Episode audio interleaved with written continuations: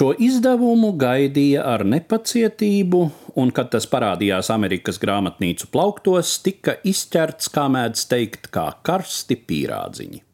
Neko līdzīgu Savienoto Valstu grāmatniecība nebija piedzīvojusi kopš Margaretas Mičelas vējiem līdzi izdošanas pāris desmitgades agrāk. Un nav jau nekāds brīnums, jo šim romānam, kuru izdevniecība G.P. Putnams Sons laida klajā 1958. gada 18. augustā, pa priekšu steidzas skaļa slava un daudzuprāt ļoti slikta slava, iespējams sliktākā kāda vispār bijusi grāmatai.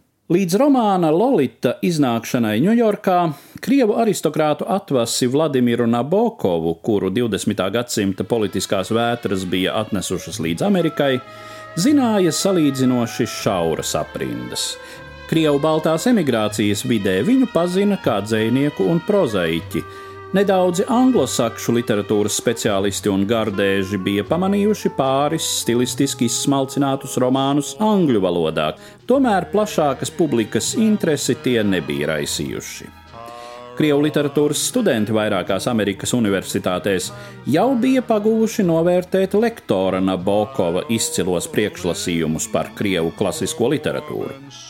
Visbeidzot, entomologu aprindās Nabokovu zināja kā tauriņu speciālistu, taču tagad, 1958. gadā, Nabokova vārds bija izskanējis abos Atlantijas krastos sakarā ar viņa pēdējo, nu ļoti skandalozo romānu četru amerikāņu izdevēju noraidīts, romāns Lolita galu galā 1955. gada septembrī bija iznācis pieticīgā 5000 metienā izdevniecībā Olympia Press Parīzē.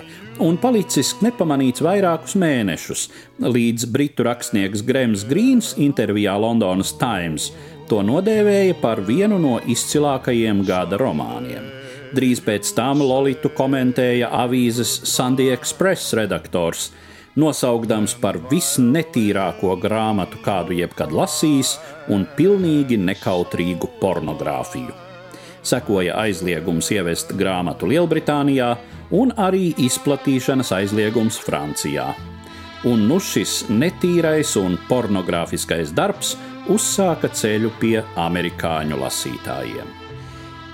Tiem, kurus šausmina pati iespēja aprakstīt paveca vīrieša kaisli pret pusaugu meiteni, protams, Nabokova Lolita ir un paliek neķītrības iemiesojums.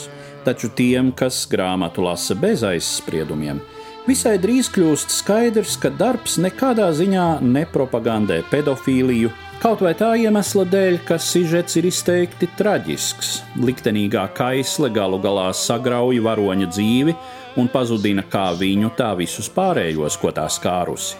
Pie tam ne jau seksuālo attiecību tēlojums ir autora mērķis, tā ir tikai spilgta metāfora. Līdzīgi pašam autoram arī viņa varonis Humberts Humberts ir 20. gadsimta vētru mētāts klejotājs, kuru politiskās kataklizmas atsviedušas viņam svešajā jaunajā pasaulē.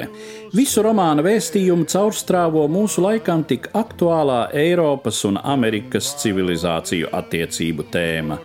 Un, ja nenoliedzam pašu principu, tēlot šīs civilizāciju attiecības ar seksuālas metafāras palīdzību, tad vai gan atbilstošākais nav tieši šāds pāris - dzīves paguris pusmūža vīrs un vieglprātīgs pusaugu skuķēns.